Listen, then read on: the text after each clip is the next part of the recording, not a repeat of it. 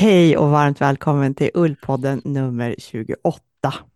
Hej Malin! Hej Pia! Vad har hänt sen sist i din får och ullvärld? Ja, jag har varit på Asperö då och där har vi startat en ull och garn-sektion. Mm, vad gör en sån?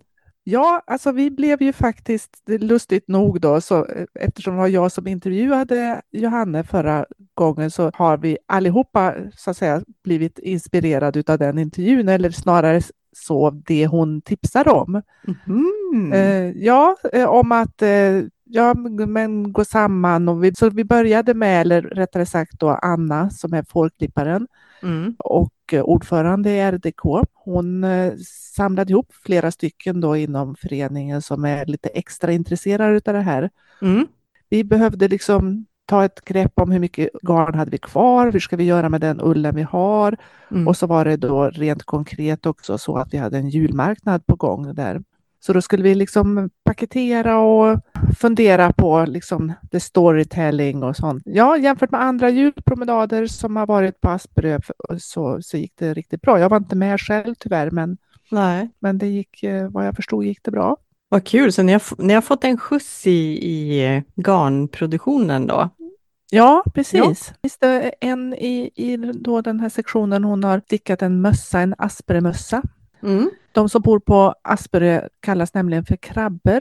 Så då har hon gjort en mössa med en krabba på i, i vårt då rivegarnet. Mm. Och, och jag, jag stickade också upp en, en enkel eh, trekantssjal. Mm. Och det kan man ju inte säga att, att jag har gjort det mönstret för det är liksom Mm. ett sånt där generiskt helt. Så, så jag bara satte det på pränt. Vad bra att man kan bli inspirerad av sina egna intervjuer. Ja. Men det är ju fantastiskt bra och kul att gå ihop så där också och se vad kan vi göra tillsammans. Mm. Jag är lite Mm. imponerad av ert arbete faktiskt. Det är jag också och det kan jag kosta mig, på mig att, säga så lite självgott eftersom Mm. jag är ju väldigt på distans. Så att, eh, Mm.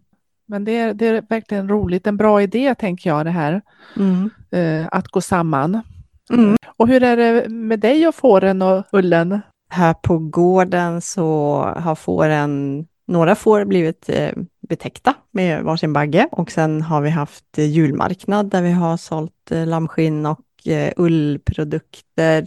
Det är ju alltid kul. Och sen har jag en liten gårdsbutik hemma också dit det kommer folk. Särskilt roligt är det ju när det kommer någon som är ullintresserad, för då Mm. blir det ju mera prat liksom om, om ullsorter och vad man ska ha det till. Och nu har jag faktiskt nä- nästan sålt slut på allt mitt eget garn som jag har tagit fram från mina får, så att nu är det dags att, att fylla på den delen. Det är kul att se att det, det går att sälja, att det tar lite tid, men att det finns ett intresse liksom för, för eh, lokalproducerat garn, så man vet vart det kommer ifrån.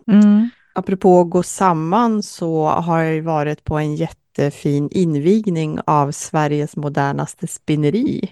Just det. Rodens ullbruk i Norrtälje som hade sin invigning här för ett par, några veckor sedan och det var ju jätteroligt att få en visning av maskinerna och, och höra Ann-Kristin och de andra delägarna eh, berätta om verksamheten. Och här har man ju verkligen gått samman, fyra delägare och en styrelse, där de gör liksom olika. Så de har ju jobbat på eh, väldigt intensivt hela hösten och maskinerna kom ju i somras och de har lärt sig hur de fungerar och hur de kan blanda olika ullsorter till och få till olika typer av garner. Och det var också visning på, av garnerna där i en liten fabriksbutik. Ja, det var väldigt trevligt och väldigt, väldigt kul att se. Eh, stort Mm. intresse. De är ju väldigt, eh, och apropå det här med storytelling så tycker jag att jag har tittat i deras webbshop att de är jättebra på just att skriva om garnerna. Ja, verkligen. Och sen väldigt, väldigt snyggt också hur, hur deras grafiska form går igen. De är ju superkonsekventa i, i sin, eh, sin grafiska kommunikation och det blir väldigt snyggt och proffsigt. Ja, men det är roligt.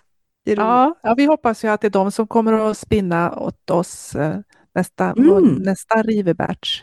De har väl redan långa köer har jag hört, men eh, Mm. det vore också jätteroligt att prova dem. Det, Och sen har jag jobbat i Arena Svensk Ull. Mm. Eh, Jättekul och intensivt. Den nya organisationen som eh, är i uppstart kan man säga. Vi har jobbat mycket för en konferens eh, som heter Wool Talks som vi arrangerade i Borås, som några av er som lyssnar kanske känner till eller kanske besökte. Så det var väldigt roligt att få fortsätta jobba med de frågorna. Det, vi har ju en person som heter Walter Agnér som, som håller på att göra en dokumentär om europeisk ull till exempel. Mm. Och Mhm. har rest runt väldigt mycket och intervjuat folk och filmat även eh, i Sverige.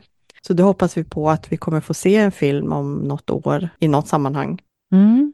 En annan väldigt rolig grej som jag skulle vilja berätta, det är att i mitt andra jobb som jag jobbar i på Region Uppsala så har vi just nu en kampanj, eh, Sticka Dagermans tröja. Mm. Och det finns ju en, ett stickproffs som många känner till som heter Celia B. Dackenberg som har skrivit en bok om, eller hon har skrivit flera böcker om eh, författares tröjor och stickning och hon är väldigt, väldigt intresserad av när hon läser till exempel skönlitteratur, då, då letar hon alltid efter så här, hur kommer stickningen in i den här boken och vad finns det för kopplingar till stickning? Så hon, hon har verkligen det perspektivet. Och eh, hon skrev en bok, ja, hon Ja. skrev en bok Ylle och Bläck om eh, författartröjor och i den så fanns det en tröja som handlade om Stig Dagerman och mitt jobb på regionen har varit ett projekt om Stig Dagerman som har fyllt 100 år 2023. Så då har Celia B. Dackenberg eh, skapat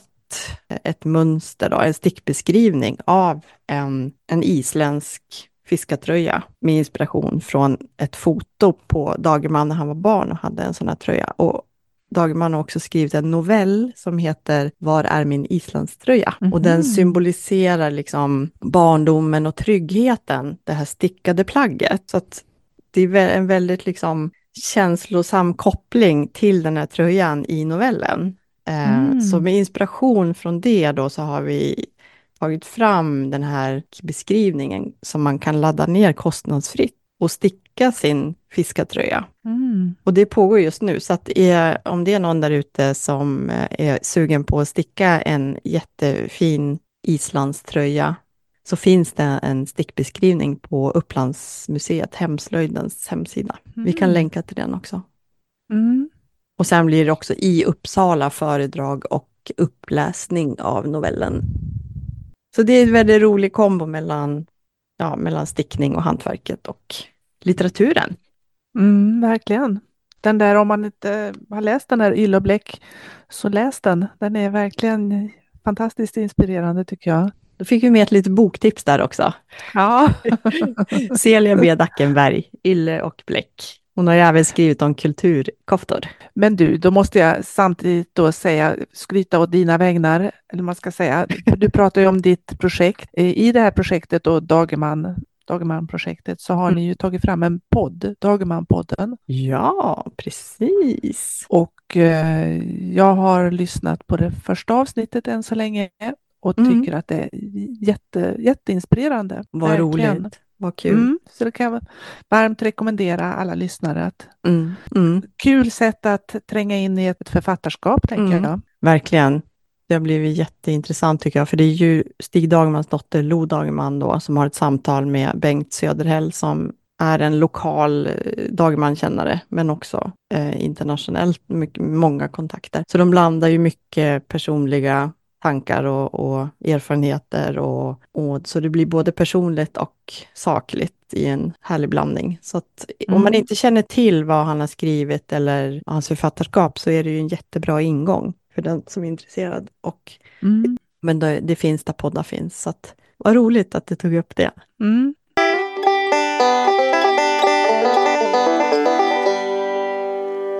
Ja, vi har ju egentligen ända sedan vi startade med Ullpodden har vi pratat om så här olika saker som vi tycker saknas, som vi behöver veta mera om eller veta, Mm. ta tag i. Ull-Sverige behöver ta tag i, eller vad man ska säga. Och då har det ju bland annat varit det här med eh, klassificering utav ullen. Just det, det var ju Eh. ett av de första avsnitten som vi Mm. pratade behovet av klassificering. Ja, Ja, det är ju många som tycker att det här har varit en brist och att det behövs bland annat så har man tagit fasta på det i ett projekt som Axe Foundation har driver och har drivit som heter The Swedish Wool Initiative. Jag har pratat med Johan Sidemark som är projektledare för eh, Swedish Wool Initiative. Vill höra lite mer om, om vad det innebär med en svensk ullstandard som innehåller då ett helt nytt klassificeringssystem för svensk ull och hur det är tänkt att, att användas. Och det är ju särskilt intressant eftersom jag vet och jag jobbar ju då i Arena Svensk Ull och den organisationen har fått uppdraget att eh, förvalta och utveckla systemet. Men mm. än så länge är, är det väldigt, väldigt nytt. Men jag fick prata lite med Johan och höra mer om eh, en svensk ullstandard. Här kommer Johan Sinnemark.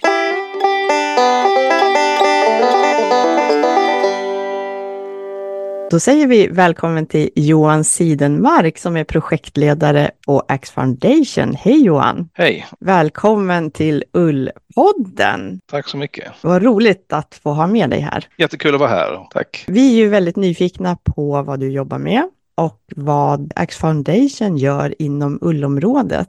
Kan du berätta kort om vad, vad du jobbar med där? Jag är projektledare, biolog i grunden och har jobbat på Axe Foundation ett år ungefär. Eh, och Axe Foundation det är en eh, fristående, icke vinstdrivande organisation som jobbar väldigt konkret med omställning till ett hållbart samhälle. Och eh, vi tror på eh, näringslivet som en förändringskraft och vi jobbar alltid nära forskarna också. Så att vår liksom heliga eh, treenhet är som att jobba med eh, forskning, näringslivet och då praktiska projekt som resulterar i konkreta resultat. Och jag jobbar då med Swedish Wool Initiative eh, för att då, se till att eh, mer ull tas om hand. Och då är liksom konkreta resultat är, från det projektet är då till exempel en svensk ullstandard som är ett sätt att klassa svensk ull. Men det är ett projekt som Eh, Eh, är ett samarbete mellan 20-tal organisationer eh, där Axe Foundation är projektledare. Men vi har med eh, stort sett representanter från hela värdekedjan. Och det är ett projekt som genomförs med stöd delvis då från Vinnova och deras område hållbar industri. Och det har varit igång sedan 2021 och avslutas nu i december 2023. Så att vi är inne i slutskedet av projektet. Under den här tiden har vi fokuserat på eh, den senare delen av värdekedjan genom att eh, hur de som beställer ull ifrån eh, hemtextil eller från moderbolag, hur de enklast får tillgång till ull. Innan projektet började så fick de ringa runt till massa olika fårägare, men idag så har de en kontaktperson som de kan ringa till. Så det har förenklats ur deras perspektiv, ser ni? Ja, det tycker vi.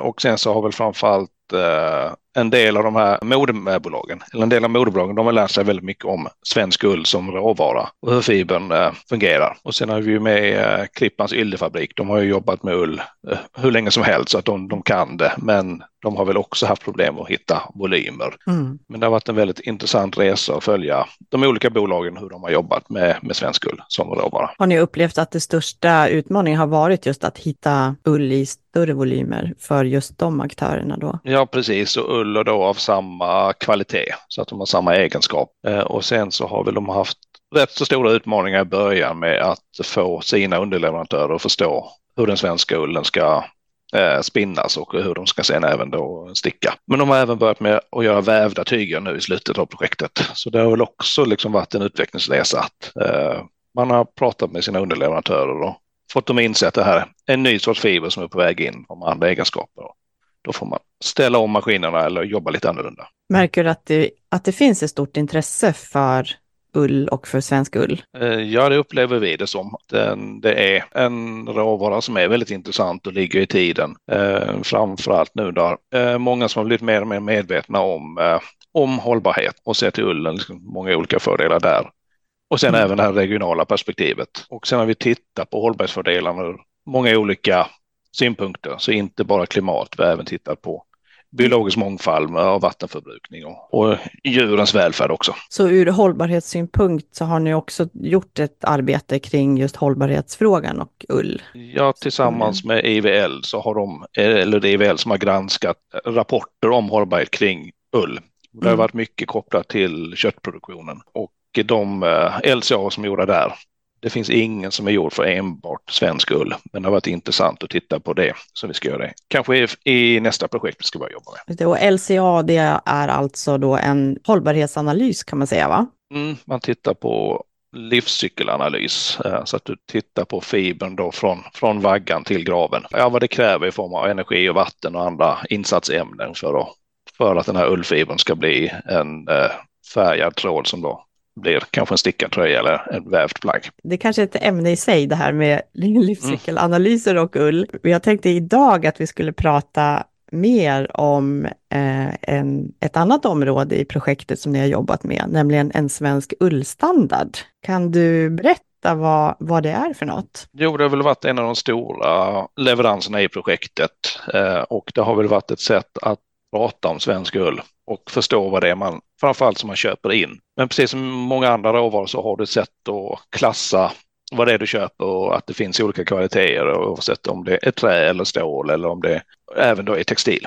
Mm. Och då har vi tittat på andra länder hur de gör, de som är framgångsrika med att sälja sin ull, till exempel Storbritannien eller Norge. Och de har ju lyckats eh, med sin ullförsäljning. Men de har liknande förutsättningar som vi i Sverige med många olika raser och eh, i Norge också då, att vi liksom har olika utmaningar med logistiken. Men då tittar man framförallt på eh, Norge och så att de har klassat ullen i olika typer utifrån ullens egenskaper och inte utifrån vilka fårraser det är. Då börjar man och ta fram ett eh, likadant system för Sverige som vi då har testat internt i projektet i liten skala. Eh, men eh, det är betydligt fler fårraser i Sverige än i Norge så det har blivit fler klasser än vad de har i Norge. Men vi ska nu testa det liksom i stor skala eh, i nästa projekt vi ska jobba med, med Swedish Wool Initiative. Eh, och testa det bland fårägare så att de lär sig sortera ullen på rätt sätt. Och sen så har vi då med de som kan klassa ullen. Vi har jobbat med CC Wool och eh, jobbat med Ullkontoret eh, i det projektet idag som har gjort tester med Fårklipparförbundet och, och Svenska Fåravelsförbundet. Svensk ullstandard innehåller både ett klassificeringssystem men också rekommendationer för sortering och hantering på gårdsnivå. Och det kan man säga är två olika saker, eller hur? Precis, ja. Hur skulle du beskriva själva klassificeringssystemet? Vem är det som ska använda det, är det tänkt? Eh, den som ska klassa, det är ju de som är eh, duktiga på, och, eh, på svensk ull och egenskaperna. Men den som kommer använda liksom, de olika klasserna, dels är det, har vi sett att det är de som köper in ull, som en gång har köpt in en viss kvalitetsull och gjort en tröja till exempel och de vill göra en ny beställning och göra liknande produkter. Då vet de exakt vilken klass de ska använda om det är, är som B2. Då vet den som har sålt ullen vilken klass det är också. Eh, och vi har kallat det ullmäklare, så att det är de som är experterna och gör klassningen. Ja, just det. Och sen har vi tittat på hur man gör i Norge och där, där utbildar man sig till ullklassificerare. Men det är, det är en lång utbildning så att det är, det är ett, ett år och sen kräver det lång erfarenhet. Mm. Där har vi inte liksom tagit det vidare i Sverige än hur vi ska göra där om vi ska utbilda några eh, ullklassificerare. Ja, just det, för det känns som att vi ligger liksom lite efter i Sverige även yrkesmässigt i ullbranschen om man jämför med många ullproducerande länder som har många olika yrken för mm. ullproduktion. Ja, precis, ja. Ja. Så att, men du tror att det, det kanske kommer i framtiden då? Det tror jag, precis. Och det blir väl lite säsongsbetonat också att det, det är väl framförallt intensivt då eh, när det är påklippningsperioden. Mm. Och lite mindre att göra eh, under andra perioder. Om du tänker på det här klassificeringssystemet, hur är det uppbyggt? Hur skulle du beskriva det på ett enkelt sätt? Det är som en jag skulle säga att det är lite som Google Translate, att du kan stoppa in de fibrerna du har som fårägare i ena änden och så översätter den det och så får du ut liksom en viss klass i den andra änden. Så att du kan stoppa in vilken fiber som helst och så, så utkommer ett, då, en klass som då kan användas av alla som behöver den sen. Så man skulle kunna använda alla fåraser i Sverige, klassa dem enligt någon bokstav där, för det är uppbyggt enligt ett bokstavssystem. Om man tänk, tittar på det i grova drag. Ja, det är, huvudklasser är det från då A till eh, H kan man säga och sen så blir det då den sista klassen det som man inte får in i de andra. Det är, totalt är det då nio huvudklasser. Ja, just. Och sen är det ju som är du fårägare och har fått din ull klassad en gång så, så är det troligtvis att det blir samma klass nästa år. Mm. Eh, men det är så mycket som kan variera med, med, med mm. åldern och med, med säsongen och så också. Eh, och tanken är ju inte att fårägaren ska klassa utan de sorterar och så skickas det till en som vi kallar ullmäklare eller någon som hanterar ullen och säljer, samlar in. Jag som fårägare har jag ändå nytta av eh, att känna till det här. Det tror jag säkert. Då, då vet du vad ullen kan användas till. Om den lämpar sig bäst för stoppning till exempel eller om den kan användas till ett tyg som man har till möbler eller, eller om den lämpar sig till vävda tyger för en kavaj eller en kostym. Mm. Det blir liksom lite ullblandningar också sen när man gör garn och sånt. Och det är väl mycket det som både jag och eh, andra i projektet har lärt sig här. Att det, det, det är en utmaning att jobba med naturmaterial. Mm. Och kanske särskilt svenskt ull då som kommer från så många olika typer av får jämfört med ja. Australien eller Precis. Norge för all del. Ja, och att vi har korsningar också av alla de här. Så. Vad, har, vad har den största utmaningen varit att ta fram ett sånt här system? Nu har inte jag varit med och skrivit det, så att det var mina kollegor eh, Johanna Berman och Linn Lindfred. Men det har väl varit att hålla så pass enkel nivå så att det går att använda, men inte tappa det, detaljerna i det. Och, eh, men det är väl det som är den stora utmaningen fortfarande att testa att det, att det här mm. håller, att man kan blanda olika, men ändå få ut samma egenskaper. Och vad händer nu då framöver med Eh, Eh, en svensk ullstandard. Eh, nu kommer vi testa den, eh, den tillsammans. Ja, det är Arena Svensk Ull som ska förvalta den och utveckla den. Och då kommer vi testa den i verklig miljö. Då kommer vi testa den i Region Dalarna och se och jobba med utbildningar och jobba då med sortering där. Kommer vi då klassa större volymer. Vad ser du för utmaningar när det gäller svensk ull framöver den närmaste tiden? Det är väl fortfarande logistikutmaningar. Eh, sen är det väl att jobba mycket med, med äh, affärsmodellen så att äh, man känner att det, att det är värt att sortera ut ullen och äh, ta hand om den. Ja, för lönsamheten är ju ett sånt här tema som ofta kommer upp, att det, det är väldigt många som, ullens värdekedja är väldigt många aktörer och alla, alla ska få betalt. Så. Ja, eh, och, och vi vet liksom att det är, behöver liksom, för de som är tidigt i värdekedjan, eh, så behöver de få liksom tid, eh, arbetstiden betald. Mm. Att det ska liksom vara mm. värt mm. besväret och sortera och Eh, och sen då att man får iväg det till en insamlingsstation på, på ett kostnadseffektivt sätt. Mm. Så det är ju mycket mm. utmaningar logistiskt eh, att titta också på. Vad tänker du om framtiden då och möjligheterna? Är du, är du positiv ändå? Eh, ja, det är jag. Även om svensk ull är dyrare än merinullen så är det, liksom, det är inte den vi konkurrerar med. Utan vi vill ju att uh, ull som fiber börjar användas mer i textil. Inte bara mode utan även andra textiler eller an, andra ämnesområden. Mm. Och vi vill att ullen ska komma tillbaks liksom som en viktig fiber i, inom textilindustrin. Eh, så vi ser den som ett komplement till merinullen. Mm. Och sen att den är dyrare. Vi vet att eh, till exempel Röjk som har en, en tröja av svensk ull, att den har stått sig väldigt bra i, i deras sortiment äh, länge och de vet att det finns kunder som betalar lite mera för att de vet att det är en äh, tröja som är regionalproducerad och den är, kommer från fårägare som tar hand om fåren och, och att fåren mår bra. Så att en, vi tror att det, det är väldigt viktigt argument att det kommer stå sig i framtiden också. Så det är de här mer, mervärdena som är viktiga när det mm. gäller svensk produktion? Precis. Jobbar ju med modebranschen också en omställning där från det här fast fashion till att man kanske köper färre kläder, eh, men då är beredd att betala mer för dem och använder dem längre. Mm. Och då är det svårt att hitta ett material som är mer hållbart över tid som ull. Det vet vi liksom, det, det är en investering mm. för, för framtiden. Vad som var väldigt bra med projektet är att se hur eh, spännande det har varit och eh, jobba med hela värdekedjan och att eh, alla är viktiga, att alla, det är viktigt att alla är med och alla känner att de får, får någonting ut av det.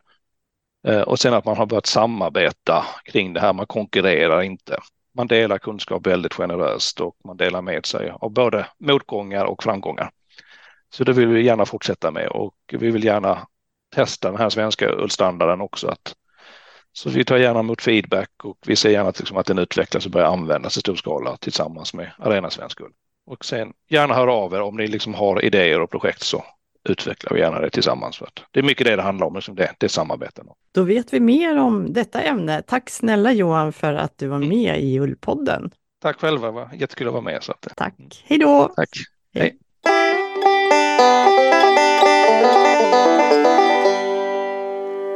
En kommentar från mig då som har lyssnat nu när jag har lyssnat på den här intervjun. Det är en stor eh, fokus på den industriella hanteringen utav eh, ull.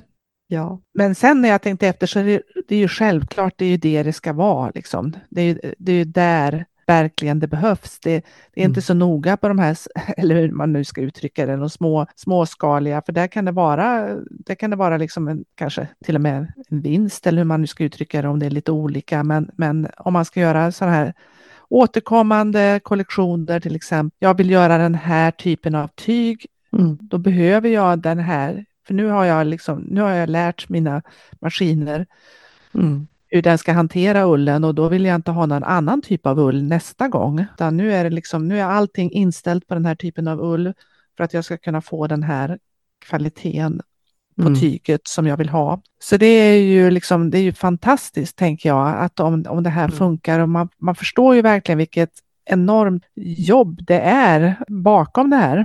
Ja, det ska bli spä- spännande nu tänker jag, liksom just det här när ni ska ta vidare då. Mm. Eh, hur, det, hur det kommer att landa, om det kommer att funka och, och Mm. också det här med, tänker jag, det som han pratade om att ja, men nu det behövs ju ullsorterare. Mm. Nu, nu, nu finns liksom det här eh, klassificeringssystemet eh, och sen så måste alla liksom lära sig att klassificera efter det här också, eller sortera efter detta. Nej, men nu ska vi Mm. reda ut begreppen här. Det Ja. här är jätteviktigt och det är jättebra bra att du säger det. För att en svensk ullstandard, som dokumentet heter, innehåller ju ett klassificeringssystem Mm. med, med olika kategorier, till exempel A, B, C och så vidare, bokstavskategorier. Och sen är det underkategorier beroende på hur mycket vegetabiliskt material den innehåller eller hur lång den är. Och det är själva klassificeringssystemet som projektet har ju provat internt, det säger Johan också. Mm. Men vi har, vi har ju inte i praktiken kommit så långt att testa det då i de här industriella sammanhangen. Och det är ju det som är planen, att det måste prövas för att se hur det funkar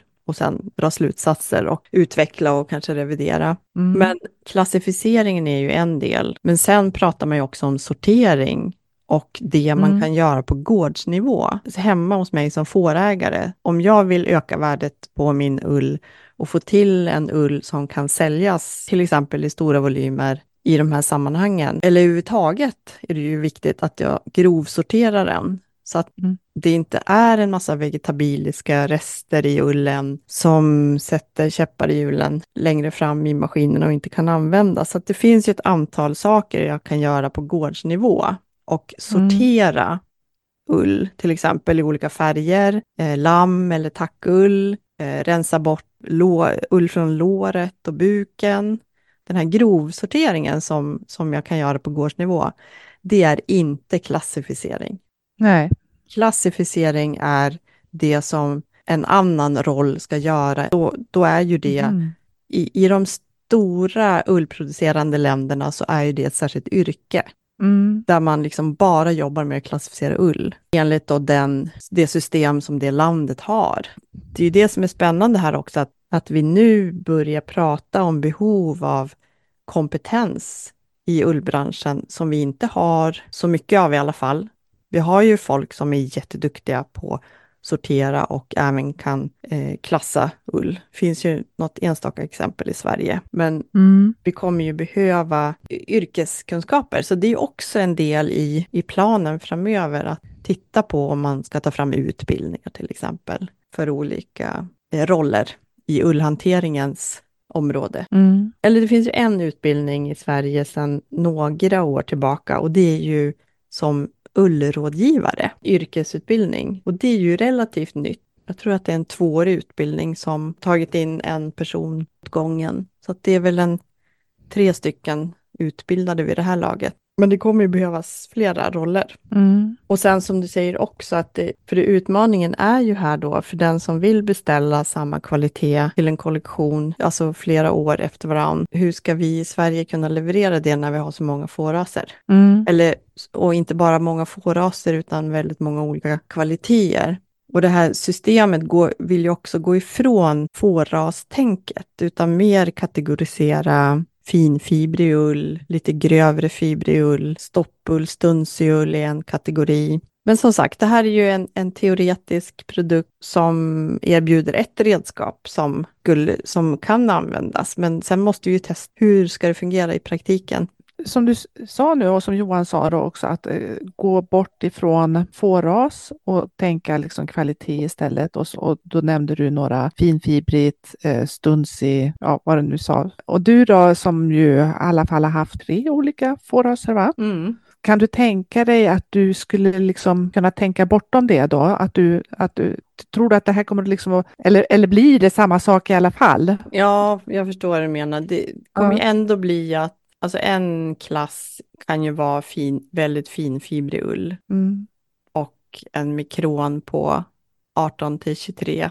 Och då är ju det Jämtlandsullen till exempel. Och möjligen finullen, va? Finullsullen. Ja, men precis. Mm. Det kan också vara vissa finullsfår. Sen Gotland är ju betydligt mer grovfibrig, så då hamnar ju den under en bokstav för mer grovfibrig ull. Mm. Men här är det ju jättesvårt. Jag som fårägare kan ju inte säga, eftersom jag inte kommer ha kunskapen att klassa ullen, Nej, just det. kan jag ju inte säga, men det är kategori, vad det nu kan vara, F eller G eller... Nej, just det. Utan, Utan det blir du, ska ju... bara, du ska bara liksom sortera och sen så, så tänker du tänka liksom att undra vad, hur de klassificerar det här. Ja, men precis. I och för sig, Mm. det kan ju vara bra för mig att veta sen och få återkoppling att, nej men din ull hamnade i kategori F. Och så, sen, Mm. så det är klart att för mig kan det vara intressant att få återkopplingen på det, för då vet jag det att jag har den här typen av ull i de Ja, här precis. fåren som jag har, så då Mm. vet jag att nästa år så kan jag leverera det också. Mm. Och ifall man får till ett flöde där man kan leverera till en ullstation till exempel. Mm. Jag, bara, jag bara undrar lite för att, för att det här, vi säger ju alltid det här att, eh, att Gotlandsullen är grovfibrig och det, det är klart att Mm. den är det. Men samtidigt så varje gång jag är med och klipper eh, Mm. då så tänker jag liksom åh vad mjuk den är, åh vad fantastiskt det är. Mm. Så tänker jag, åh det måste vara mycket, våra, just våra får har Mm. mycket mjukare, tror jag. Alltså det, det, det är roligt, nu kommer vi ju aldrig att komma upp i några sådana volymer skulle jag inte tro, så att man, för det är ju också, man undrar liksom hur mycket, Fast Ja. där tror jag, liksom volymer, det tror jag är liksom sammantaget på det hela. Jag tror ju ändå att man kan bidra till en insamling även om man inte är så stor. okej. Där, Mm. Det tror jag verkligen. Så jag tror Mm. att alla fårägare eh, betyder mycket, oavsett Mm. storlek. Det är väl mer det här att samla in så att det blir stora volymer. Mm. Så att man hittar system för, om jag har 30 får, Mm. så vill jag ju ändå att den ullen kommer användas. Och, Mm. och mitt bidrag kanske då till det industri industriella, eh, om den ullen kan samlas in och sen buntas ihop med andra av samma typ, Mm. då blir det ju lite, då blir det ju liksom storskaligt i slutänden och till en, till en produktion av något slag. Mm. Och att den ullen blandas då med ull av samma kvalitetstyp eh, som kommer ifrån kanske 20 besättningar. Mm. Om min, min gård har kvalitetstyp F, mycket grovfibrig ull, Mm. och sen är det 20 andra gårdar som, som hamnar liksom i samma kvalitetstyp och en volym som, som kan liksom komma in i systemet och användas och beställas. Men det är, det är väldigt många led här som är beroende av varandra och, och därför Mm. betyder det mycket hur jag sorterar som fårägare på gårdsnivå för att sen i något led efter då den ska kunna klassas tillsammans med annan ull. Så att det är inte jag som ska stå för de stora volymerna på gården. Så har jag tänkt i alla fall. Utan jag, Mm. jag, jag bidrar till en, en insamling som blir större mängder. Det låter ju kul, verkligen, för att det, det är ju liksom, det är ju någonting som vi har funderat på också, det här med att ja, det är kul liksom att ta fram garnbatcher, men, men det är också lite dyrt. Ja, förhoppningsvis får man det ju sålt, men innan man får sålt så Mm. måste man ju betala spinneriet. Och, och det, ja, som en förening då, liksom, är det inte, är det inte självklart att man liksom har de, Mm. de pengarna innan? Nej men precis. Och, och samtidigt då så vill man ju nu då när vi, när vi har kommit så här långt ändå att, em, att ta, ta rätt på ullen och sånt, att, att fortsätta Mm. ta rätt på ullen. Mm. För nu känns det jättekonstigt liksom att, att vi inte skulle göra det. Mm. Så det är ju roligt om det, om det, om det kommer att finnas ullstationer eller Ja. så. Den gamla, gamla idén vi hade med att ha en ullbuss och åka Ja. runt. Precis. Ja, det finns ju mycket eh, projekt som pågår nu som jobbar med affärsmodeller för att få till det här med insamling och logistik, för det är ju det som är en stor fråga som behöver Mm. liksom lösas. Vad roligt ändå det är det här. Det här är ju en eh, teoretisk produkt som nu ska prövas i praktiken, då i, i mer storskalig insamlingssammanhang. Mm. Och exakt hur det ska gå till, det, det vet vi inte än, men vi får ju, åt- vi får ju följa frågan i Ullpodden helt enkelt. Ja, ja, det får vi göra. Men, men jag tänker det är ju några sådana där händelser i ull-Sverige, ullåret i Sverige, som till exempel fårfesten i Kil. Kommer, kommer den här eh, Arena Svensk Ull, kommer ni, kommer ni vara där på? kommer i samarbete med en del andra arrangera två tillfällen. En lite mer praktisk kurs i hur man kan öka värdet på ullen, hantering och klippning i Mm. Kil Arena. Och det kommer vara på lördagen, Mhm. vårfesten. Det tror jag blir jättespännande. Eller lärorikt och intressant. Och det är ju för alla intresserade. Och sen har vi också ett tillfälle i Forum på torsdagen klockan 14. Där vi kommer prata mer om klassificeringen och en svensk ullstandard. Lite bakgrund och eh, hur det ser ut och vad som kommer hända ungefär. Så att, Mm. Mm. är du på fårfesten och är intresserad av att veta mer så eh, passa på. Och nu sa du eh, torsdag, fredag, lördag sa du, men när då? Torsdag 29 februari klockan 14 är det eh, ett pass i Forum eh, om klassificeringen framför allt. Och sen på lördag den 2 mars är det i Kil Arena. Mm. Den ska man anmäla sig till, så, men den finns utlagd på Fårfestens kurssida. Jaha, kan man redan nu anmäla sig? Jajamän, Ja, det brukar ju säga Swoosh, eh, så är de Mm. fulltecknade. Nej, men det är publicerat Mm. nu så att det finns ute.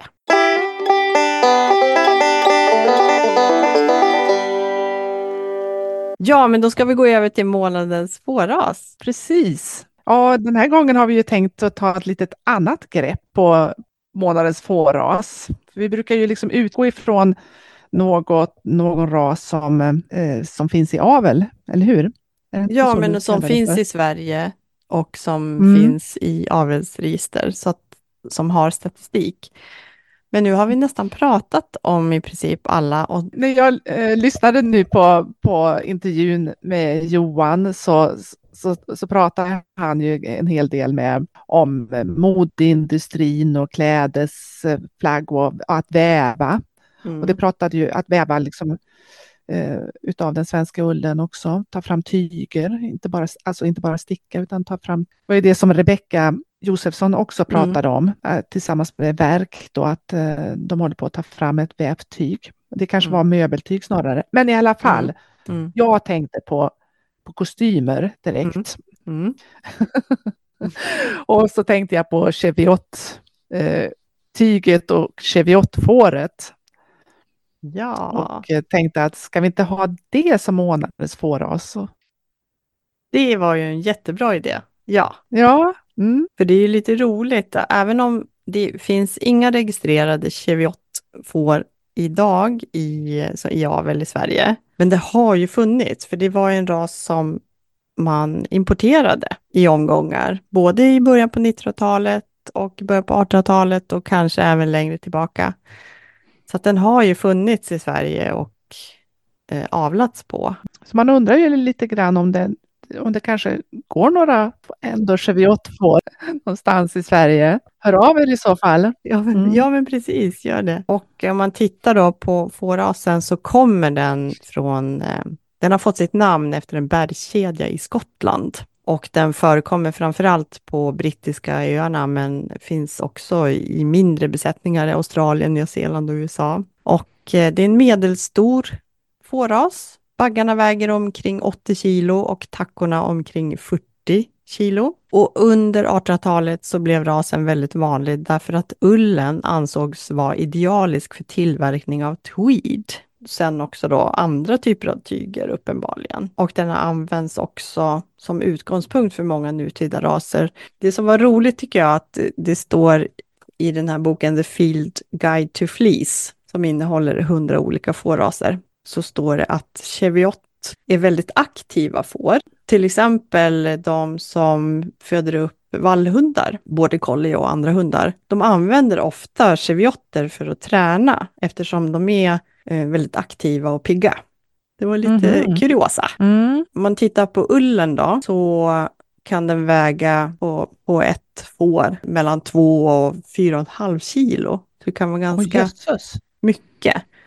Och mm. eh, den är 10 till 13 cm lång. Fiberdiametern, alltså mikron, ligger på 24 till 33. Så det mm. vet jag inte vart vi skulle hamna då i en svensk ullstandard till exempel. Ja, någonstans me mellan till grovfibrig. Alltså det är svårt med engelskan här, men om man tittar mm. på staplarna så är det liksom en ganska rektangulär ull med lite, lite spetsiga toppar. Att den kan vara trevlig att spinna också för hand. Och eh, den är bra att färga. Den som är lite mer fin, finfibrig kan bli trevliga tröjor, sockar och andra nära huden-produkter. Och den som är lite grövre då kan passa för filtar och kuddar och eh, utanpå plagg. De ser väldigt roliga och pigga ut. De öronen står lite uppåt.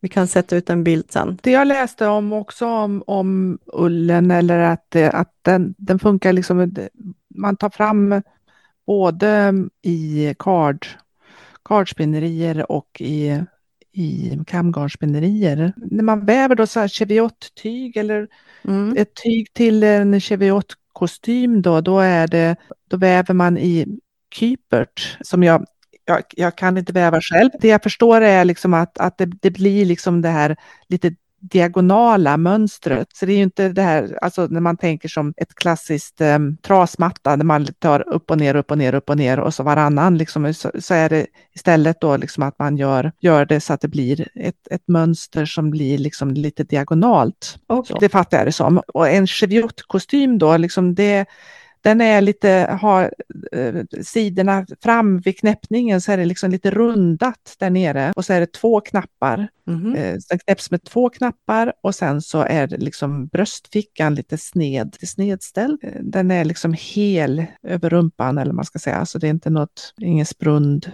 liksom mitt på eller vid sidorna, utan den är liksom inte ett stycke men, men mm. Den låter väldigt snyggt tycker jag. Mm. Jag tittar på några bilder och så. Mm. Men är men det verkar ju vara så att det blir ett väldigt slitstarkt tyg av Cheviot-ullen. Mm, precis. Också. Fattat att den, fåret är vitt, men det verkar som att det finns även svarta, brunsvarta. Mm -hmm. Mm. Ja, vi får väl se om det kommer in några Cheviot-får i Sverige igen då. då. Mm, precis. Om det blir stor efterfrågan på, på Cheviot-tyg. Just det. Och det tycker jag att man hör, att det är efterfrågan hos många företag som verkligen vill skapa, alltså väva tyger av svensk ull. Mm. Mm, och Tiger of Sweden har ju precis tagit fram en, en kostym i svensk ull. Mm -hmm. En li, liten kollektion. Mm -hmm. Yes. Men det var en riktigt fin kostym, en svart kostym. Och den, den är av svensk ull. Och de har också varit med i, det, i projektet Swedish Wool Initiative, som Johan mm. pratade om. Det finns ju flera svenska företag som har tagit fram produkter av, av svensk ull. Och hittills har det varit ganska små kollektioner. Vi har ju Filippa K, Röjk, Tiger Sweden nu då. Eh, Lisa Bergstrand och New Sweden. Och det, det är ju, man går ju ofta på kvalitet och kanske mindre kollektioner och kanske dels också för att det är svårt att få tag i en stor mängd av samma kvalitet av svensk ull. Apropå det vi pratade om tidigare.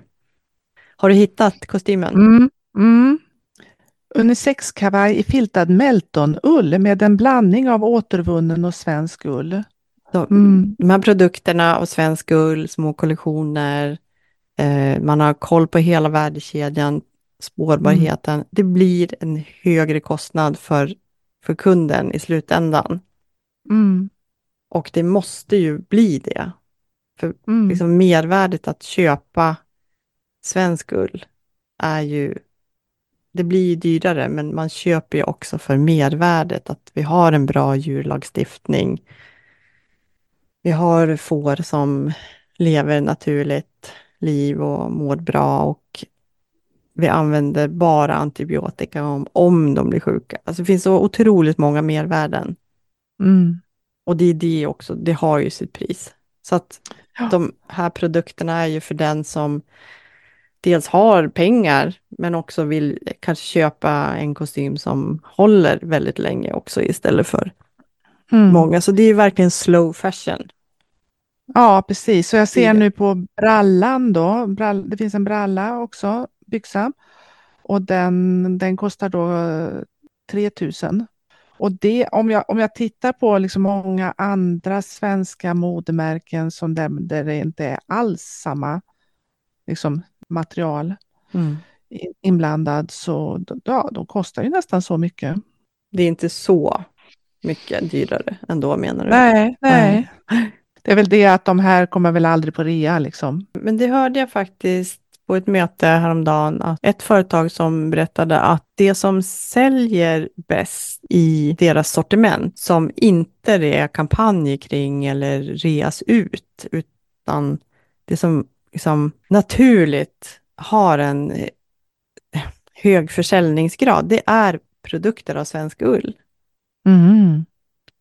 Så det är också produkter som, som inte behöver vara liksom på rea eller extrapris, för att det håller som bra kvalitet och det står för Mm. så mycket. Mm. Och då vill folk köpa det. Ja. Mm. Tyckte jag var väldigt intressant.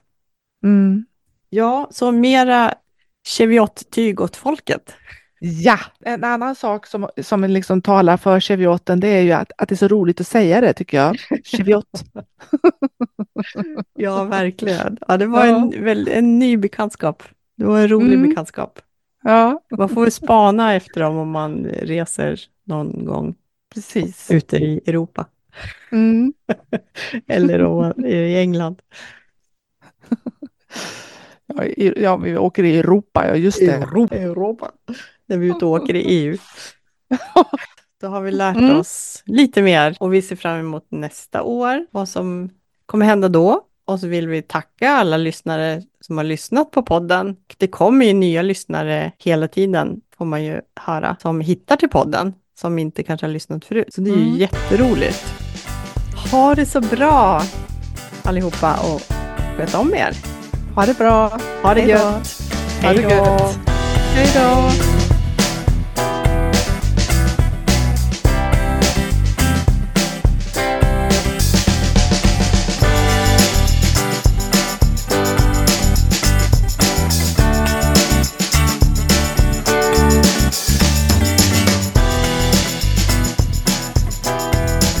Avsnitten hittar du på www.ullformedlingen.se och du kan också följa vår Facebook-sida Ullpodden där vi publicerar länkar och bilder som anknyter till det som vi har pratat om. Ha det så bra, hej då!